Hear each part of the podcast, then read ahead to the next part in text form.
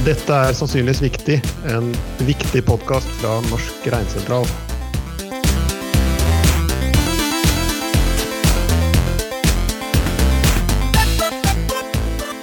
Hei Solveig, velkommen til Sannsynligvis viktig. Takk. Du er jo veldig i vinden om dagen, både på den ene og den andre måten. Eh, både med R-beregning og som ledestjerne. Eh, hva er en ledestjerne for noe? Det er eh, kåret nominert til, eh, til eh, årets ledestjerne, så det er da 30 under 30. Mm. Det, er, Mm. det er veldig hyggelig å være nominert. Mm. Ja. Og du var først ut, skjønte jeg? Jeg var først ut, ja. Mm. Ja. Det er jo veldig i vinden det Mm. holder på med akkurat nå. Og hva er det du holder på med? Jeg holder på med å modellere spredning av koronavirus sammen med Folkehelseinstituttet. Mm. Mm. Å modellere, hva betyr det? Modellere, mm, da beskriver man eh, tall, eller virkeligheten ved hjelp av eh, tall og symboler. Eh, det er en forenkling av eh, virkeligheten. Mhm. Mm, en matematisk beskrivelse. Mm, så det er en matematisk beskrivelse av eh, hvordan smitten kommer til å spre seg mellom eh, kommuner i Norge. Og denne, Mm. da er det, snakker vi om R, ikke sant? Da snakker vi om R. Smittetallet R er veldig, eh, en av de viktigste parameterne eh, i en sånn matematisk modell for spredning av smittsomme sykdommer. Ja. Mm. Og nå sitter jo folk i hus og hytter og diskuterer R, og hva er egentlig R for noe? Ja, jeg er veldig glad for at folk eh, flest eh, i hus og hytter eh, plutselig er blitt interessert i det jeg har holdt på med, som tidligere har vært en litt sånn eh, nerdegreie. Det er Ja. veldig spennende. Da kan jeg eh, prate med alle om hva det er jeg driver med. Og R det er dette smittetallet, eh, som sier noe om hvor raskt eh, epidemien eh, sprer seg. Så litt forenkla så kan man si at R er eh, sannsynligheten for smitte ved kontakt mellom et smittsomt individ og et mottagelig individ, ganget med kontakthyppigheten i befolkningen, ganget med andelen av befolkningen som er mottakelig. Og I starten av epidemien så er jo eh, andelen som er mottakelig, den er eh, ca. lik én, for det er nesten der har du veldig få smittsomme individer. Mm. Mm. Mens underveis i epidemien så vil du ha færre som er da mottakelige. Mm. Mm. Det er derfor vi sitter eh, på hjemmekontor, blant Ja. annet. Det er riktig. Ja. Det er for å Mm. redusere kontakthyppigheten i befolkningen. Mm. Så de ulike tiltakene vil da forhåpentligvis ha effekter på enten da sannsynligheten for smitte ved kontakt, eller kontakthyppigheten, eller andelen som er mottakelig i befolkningen. Så eh, eh, ja, ved å ha hjemmekontor så reduserer vi kontakthyppigheten. Mens ved å vaske hender f.eks. så reduserer vi sannsynligheten for smitte ved kontakt. Og ved f.eks. å vaksinere befolkningen så reduserer man andelen som er mottakelige. Mm.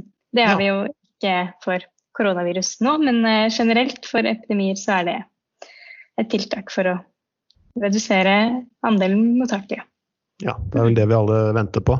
Um, Ja. og denne Mm. R-en har jeg nå skjønt er under én. Mm. Um, tror vi, da? Eller tror dere? Tror vi, ja. Mm. Vi kan ikke være helt sikre, kan vi det? Vi kan ikke være helt sikre, og vi estimerer ikke hva R er i dag. Det vi eh, kan estimere, er hva R var for mm, ca. to uker siden. Det er det tidligste vi kan eh, Det seneste vi Mhm. kan estimere. Og det er fordi vi har en forsinkelseseffekt i dataene. Det tar litt tid før vi i sykehusinnleggelsene, som er det vi bruker til å kalibrere, før vi i sykehusinnleggelsene kan oppdage eh, hva som har skjedd i dag. Fordi Mm. det tar litt tid før folk blir smitta og utvikler symptomer, og så tar det en stund før folk havner på sykehus. Så nå Høie eh, sa at nå har vi kontroll, R er eh, Jeg husker ikke hva han sa, jeg. Så det han egentlig burde sagt, 0,7 var sa han da. Ja, 0,7, ja. Da Mm. burde han ha sagt eh, vi hadde kontroll for et par uker siden. Ja, eh, men da vi hadde det estimatet, så har vi i modellen vår eh, vi har antatt eh, først én verdi for smittetallet fram til 15. mars. Mm. Og der tillater vi et hopp i, i verdien eh, fordi det ble satt inn veldig mange tiltak. Så da forventer vi at det være en stor reduksjon. Og så har vi hatt en konstant verdi fram til da, 20. april, hvor man begynte å løsne litt på tiltakene igjen. Og den verdien som vi har mellom 15. mars og 20. april, den er vi klart eller det estimatet vi har da, det er ganske sikkert eh, under én, da. I hvert fall ifølge mm. vår modell. Mm. Riktig.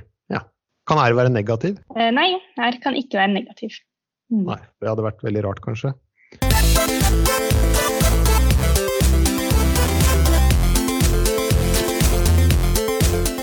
Mm, hvorfor er det så vanskelig å å estimere eller finne ut hva R er? Nei, det er vanskelig fordi man ikke Hvis man tenker i starten, da, det man kanskje helst ville gjort, er jo å sette ut disse smittsomme tilfellene, også telle opp hvor mange de smitter.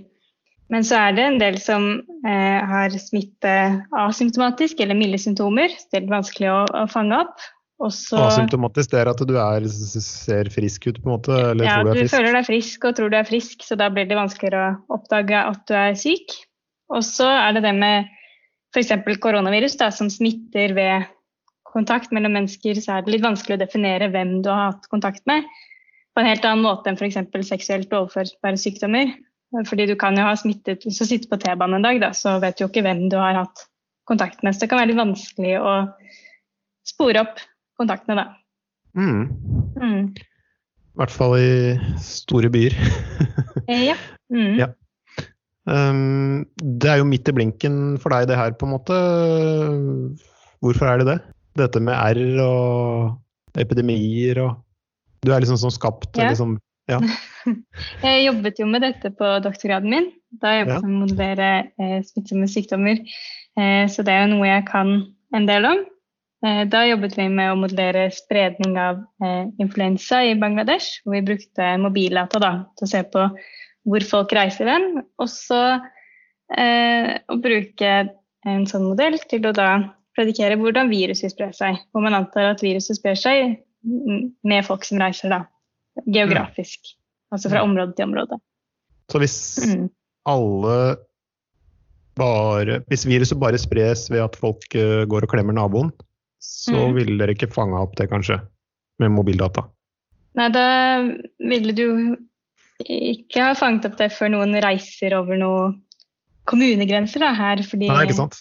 Nei. Det vi gjør for koronavirus, er å se på folk som reiser mellom kommuner. Så hvis ingen hadde reist over eh, kommunegrensen, så hadde du ikke mm. fått så mye spredning, nei. I nei. vår modell. Mm. I vår, ja, Så da ville det blitt en mm. mer sånn gjennomsnittsspredning, kanskje, eller en som ikke kan forklares med da vil ikke de mobildataene kunne forklare spredningen, for da skjer ikke den ved at folk Nei, det er sant. Men nå tror jeg kanskje at det er noen som reiser over ja, ja, ja, alltid. Ja, Så. absolutt. Og litt av hvert. Mm. Altså, ja. I, ja. I så kan man jo håpe at hvis eh, folk reiser over kommunegrenser eh, på ekte, at vi fanger opp noen av disse mobildataene også, sånn at vi også ja, vi får noen som reiser over kommunegrenser. Ja, mm. det tror jeg absolutt. Um, I Bangladesh, når du jobba med influensa, og du var kanskje ikke i Bangladesh, men uh, Nei, det var jeg ikke. Nei. men, men vi samarbeidet med noen i Bangladesh, da. Ja, ikke sant. Ja. Mm. Og i de dataene, da lagde, estimerte dere også en sånn R, ikke sant? Eller flere R-er. Ja. Hva var typisk R for influensa i Bangladesh? Da fikk vi sånn omtrent 1,2-1,3. Sånn at hver person smittet i gjennomsnitt eh, så ca. 1,2 personer men der var det jo for eh, sesonginfluensa, og for sesonginfluensa så er det sånn at vi har en del immunitet i befolkningen fra før av. I motsetning til koronavirus eller andre typiske pandemier, at du ikke har noe immunitet, sånn at alle kan bli smitta. Så hvis du har eh, mer immunitet i befolkningen, så vil du få en lavere R. Og disse mobildataene, hvor detaljerte er de? De er på kommunenivå eh, og på sekstimersnivå. Det betyr at vi vet hvor mange som for hvert eneste sekstimersintervall har beveget seg mellom eh, to kommuner. Mm. Så det er aggregerte data og anonymiserte data. Mm. Så flott, da. Ja. Um, ja.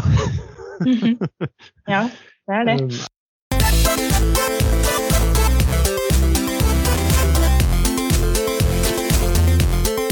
Er det sånn at du vel, tenker at det hadde vært kjempefint å vite akkurat hvor jeg hadde vært, f.eks.? Eller, eller er det er det mer enn godt nok med disse anonymiserte, aggregerte dataene? Det virker som om vi fanger opp det vi ønsker å fange opp i disse anonymiserte og aggregerte dataene. Ja. Og at vi får fanget opp ja, reising mellom kommuner. Og hvis man da hadde hatt finere data, så hadde vi vært mer sensitive til støy. At man hvor ofte man bruker telefonen sin, og hvor mange mm. som er på et område. Så du får mm. også aggregert bort litt støy når du aggregerer. Mm. Men selvfølgelig, det er jo noen ting vi mister ved å ha såpass anonymiserte data. F.eks. hadde det vært fint å vite eh, hvor mange, mange, som reiser videre, så du vet hvor, de, hvor, mange som har reist fra en kommune til et annet i ett sekstimersintervall. Men du vet ikke om det er noen av de samme som i neste sekstimersintervall reiser videre. Nei, ikke sant. Um, mm. og den typen informasjon mister du jo, da. Mm. Um, for du er med nå og regner sammen med Folkehelsa, eller Folkehelseinstituttet, de kaller det Folkehelsa, gjør vi ikke det? Ja, jo da. Ja. Og har jobba mye, mye, med det de siste, ja, siste par månedene, kanskje? Ja, ja. riktig. Mm. Og da lurer jeg på, for da kunne dere ha brukt Det er jo masse sånne tester og så er det mm. folk som er innlagt, det er folk som er på respirator, det er øh, mm. En del som dessverre er døde. Hvilke data er mm. best å bruke? Mm, det er et vanskelig spørsmål, men de dataene vi har øh, endt opp med å bestemme oss for å bruke, det er sykehusinnleggelser. Eh, det er fordi vi mener at de er mer robuste enn f.eks. de testdataene. Fordi de testdataene, de, eh, der har testkriteriene endret seg underveis. Så det er litt, eh, ja, litt vanskelig å si hvem som blir testa. Mm. Um, og for f.eks. dødsdataene, da, de vil jo være forsinka. Uh, enda mer forsinka enn det sykehusdataene er. Så altså, vi mister jo noe informasjon ved å bruke sykehusdataene fordi vi har forsinkelseseffekt. Så det går noen mm. dager fra noe fra det skjer en endring i, i smittespredningen, til vi fanger det opp i sykehusdataene. Eh, den effekten vil være enda sterkere hvis man bruker enda mer alvorlige eh, tilfeller, som f.eks. Eh, døds, dødsfall. Mm. Fordelen med å bruke altså Jo mer alvorlige tilfeller du bruker, dess mer sannsynlig er det å fange opp tilfellene. Mm. fordi hvis du skal se på alle som har vært smitta, f.eks., så får du problemer problemet med at det er noen asymptomatiske, det er noen milde, det er noen som bare som har symptomer, men som aldri tar kontakt med helsevesenet, eller som aldri blir testa. Mange som aldri mm. blir testa. Eh, mens du vil jo fange opp flere av de som trenger eh, sykehusinnleggelse. Mm. Uh, med dødsfall så kan det også være sånn at det blir eh, klart mye seinere hva de faktisk har dødd av. da. At det kan variere hva man setter som mm. dødsårsak. Mm. Ja, men på en måte er det kanskje lurt uh, hvis en skal liksom dimensjonere ja, intensivkapasiteten, da. Så er det jo mm. det modellen deres akkurat det den gjør. Ja, og det er jo også mye av grunnen til at vi bruker sykehusinnleggelsene. Det er jo at vi må jo regne ut det i modellen uansett, og det er viktig å få gode prediksjoner på sykehusinnleggelser og, og intensivbehov. eh. Mm. mm. Men det hadde jo vært eh, lurt å bruke informasjonen egentlig i alle dataene eh, sammen. Eh, mm. Selv om disse testdataene ikke er eh, like gode eller like robuste, så er det jo informasjon i dem òg. Mm. mm. Men det er kanskje det er vanskelig ikke... å vite når du skal legge vekt på de, og når du ikke skal, eller når de liksom ja, er, ikke, er et skeivt utvalg. Det er ikke så lett å vite hvordan man skal vekte disse informasjonskildene i forhold til hverandre og sånn, så det, ja. Mm. Mm. Men det er mye forbedringspotensial. Mm. Ja.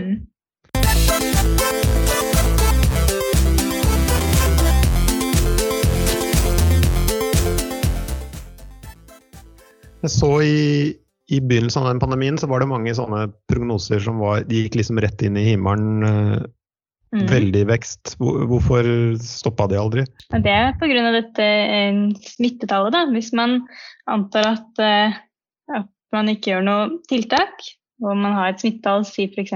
På, på to, da, så har du først et tilfelle som kommer inn. Og det tilfellet vil smitte i gjennomsnitt to eh, personer. Så vil disse to smitte to nye hver, så du får fire. Som igjen vil smitte to nye, så da får du åtte. Og så vokser det raskere og raskere. Så det er eh, sånn eksponentiell vekst da, som du får Eh, også når eh, det blir mer immunitet i befolkningen, eller hvis man setter inn tiltak, eh, da vil det smittetallet gå ned. Det effektive reproduksjonstallet, kaller vi det, som er underveis i, i epidemien. Og da vil du nå en topp, og så vil du begynne å gå ned igjen. Men på starten vil det vokse sånn eksponentielt, da. Raskere og raskere. Riktig. Sånn helt sånn ukontrollert. Mm. Mm. Og det, F- for det synes jeg er litt sånn For nå snakka du om smittetall og effektivt smittetall. Egentlig Ja. R og Så det ene er en slags R hvis vi ikke gjør noen ting? på en måte, eller Ja, ikke? det, det ene er en slags R hvis vi ikke gjør noen ting, og i starten. I starten av Ja, for da er det det, på en Mm. måte det samme. Når eh, tiden går og flere blir smittet, så vil det være færre av møtene i befolkningen som er mellom smittsomme og mottagelige individer. Mm. Eh, fordi de mottagelige individene det går ned. Så på toppen av f.eks. influensasesong så vil du alltid ha R lik 1.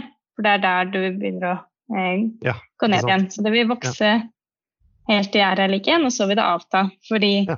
når du har et smittetall på 1, så vil jo hver person smitte i gjennomsnitt én person, så da vil det være flatt. Eh, Og så når det går nedover, så vil du smitte færre enn én, og da vil det dø ut av seg selv. Mm. Og så kan man jo også se for seg å gjøre tiltak med, sånn at man kan redusere de andre eh, parameterne som går inn i R. Altså sannsynlighet for smitte kan man redusere ved å vaske hender f.eks. Mm. Og kontakthyppigheten har vi jo redusert her med diverse eh, distanseringstiltak. Mm. Og så kan du jo også eh, isolasjon eller karantene for å minke kontakt. Mm. Mm. Altså, Niesa mi hun måtte vaske henda seks ganger på skolen. Seks ganger på én dag. på én dag. Mm. Det er ganske mye. Det er mye, mm. Mm. men det er lurt å vaske hendene. Når vi, Ja, det høres kjempelurt ut. ja. Mm. Eh, Så er det ikke sikkert det var sånn enormt mye håndvask eh, på skolen tidligere heller. Um, eh, denne R-en den er jo litt sånn vanskelig å anslå eller estimere, som du sier. Eller vi Mm. sier. Det er litt sånn vanskelig ord, men anslå eller beregne eller Ja. Mm. Og jeg har sett at dere regner ut hvor usikker den R-en dere mener den er. Og så har jeg sett at den usikkerheten har gått opp de siste ukene. Stemmer det? Det er riktig, ja. Ja, Mm. hvorfor det? For nå, Det er litt rart, for nå er jo R lavere. Usikkerheten har gått opp fordi vi har eh, mindre Det vi har gjort i vår modell, er at vi har eh, sett på eh, Først har vi en konstant eh, R opp til 15. mars. Fordi eh, det, det ble satt inn tiltak. Skolestengning, og barnehagestengning og hjemmekontor og diverse andre tiltak. Og så har vi en annen konstant R fram til 20. april. Eh, fordi 20. april så begynte man å åpne opp igjen. Mm. Eh, Så da har vi den, det siste estimatet, det er jo det estimatet fra 20. april og til i dag. Og for det eh, estimatet så har vi rett og slett ikke så mye data ennå. Eh, Det tar en del tid før vi kan fange opp i dataene eh, hva, hva den effekten av å åpne opp eh, har vært. Da. Mm. Fordi det tar lang tid, og det tar tid å bli syk, og det tar tid å havne på sykehus og, Ja. og så videre. Mm. Og så må du ha noen dager med data i tillegg for å kunne få estimater. Ja. Mm. Og når Ja. det er færre, færre som blir smitta av det her òg, så blir det jo liksom færre data å Mm. anslå den R-en eh, på, da. Ja. Mm. Hva, hva skal vi gjøre hvis usikkerheten i R er stor? Nei, det er jo litt uh, vanskelig å si, da. Mm. Ja. Vente og se. Vente og se. nei. Eh, nei, jeg er jo veldig glad jeg, jeg ikke tar alle beslutningene. Eh, Ikke sant? Så- Ja. Mm. Mm. Mm. Nei, det er jo litt vanskelig når det er stor usikkerhet å vite mm, hva estimatet er. Mm. mm. Men det er vel det viktigste kanskje for ja, for deg er kanskje å regne den ut så riktig som mulig, og så kan myndighetene Riktig. Ja. gjøre som de Da er de informert. Ja. Um, Hvis du skal se tilbake på studiene, uh, hva var det viktigste du lærte? Mm. Ja, jeg har jo lært uh, mye viktig, da. Uh, men mm, kanskje en sånn en logisk tankemåte, en måte å tenke på, eh, som mye bruk for både i matematikk og programmering. Mm. Mm. Ja. Og livet, da? Hva er det viktigste du har lært i livet? Ja, nå liker jeg å tro at jeg fortsatt er ung, og ja. at uh, svaret på det spørsmålet kanskje vil endre seg hvis du spør igjen om, uh, om 20 år. Uh, men det må være det at det ikke er så farlig hva, hva, andre tror om deg. Og det er noe jeg også fortsatt må minne meg selv på av og til. Og huske på det. Mm. Det syns jeg var en viktig lærdom, og jeg som er litt eldre, kan være bare litt eldre, da. Kan være helt enig i det. Ja, bra. Mm. Takk eh, til Solveig, og takk for at du hørte på Sannsynligvis viktig.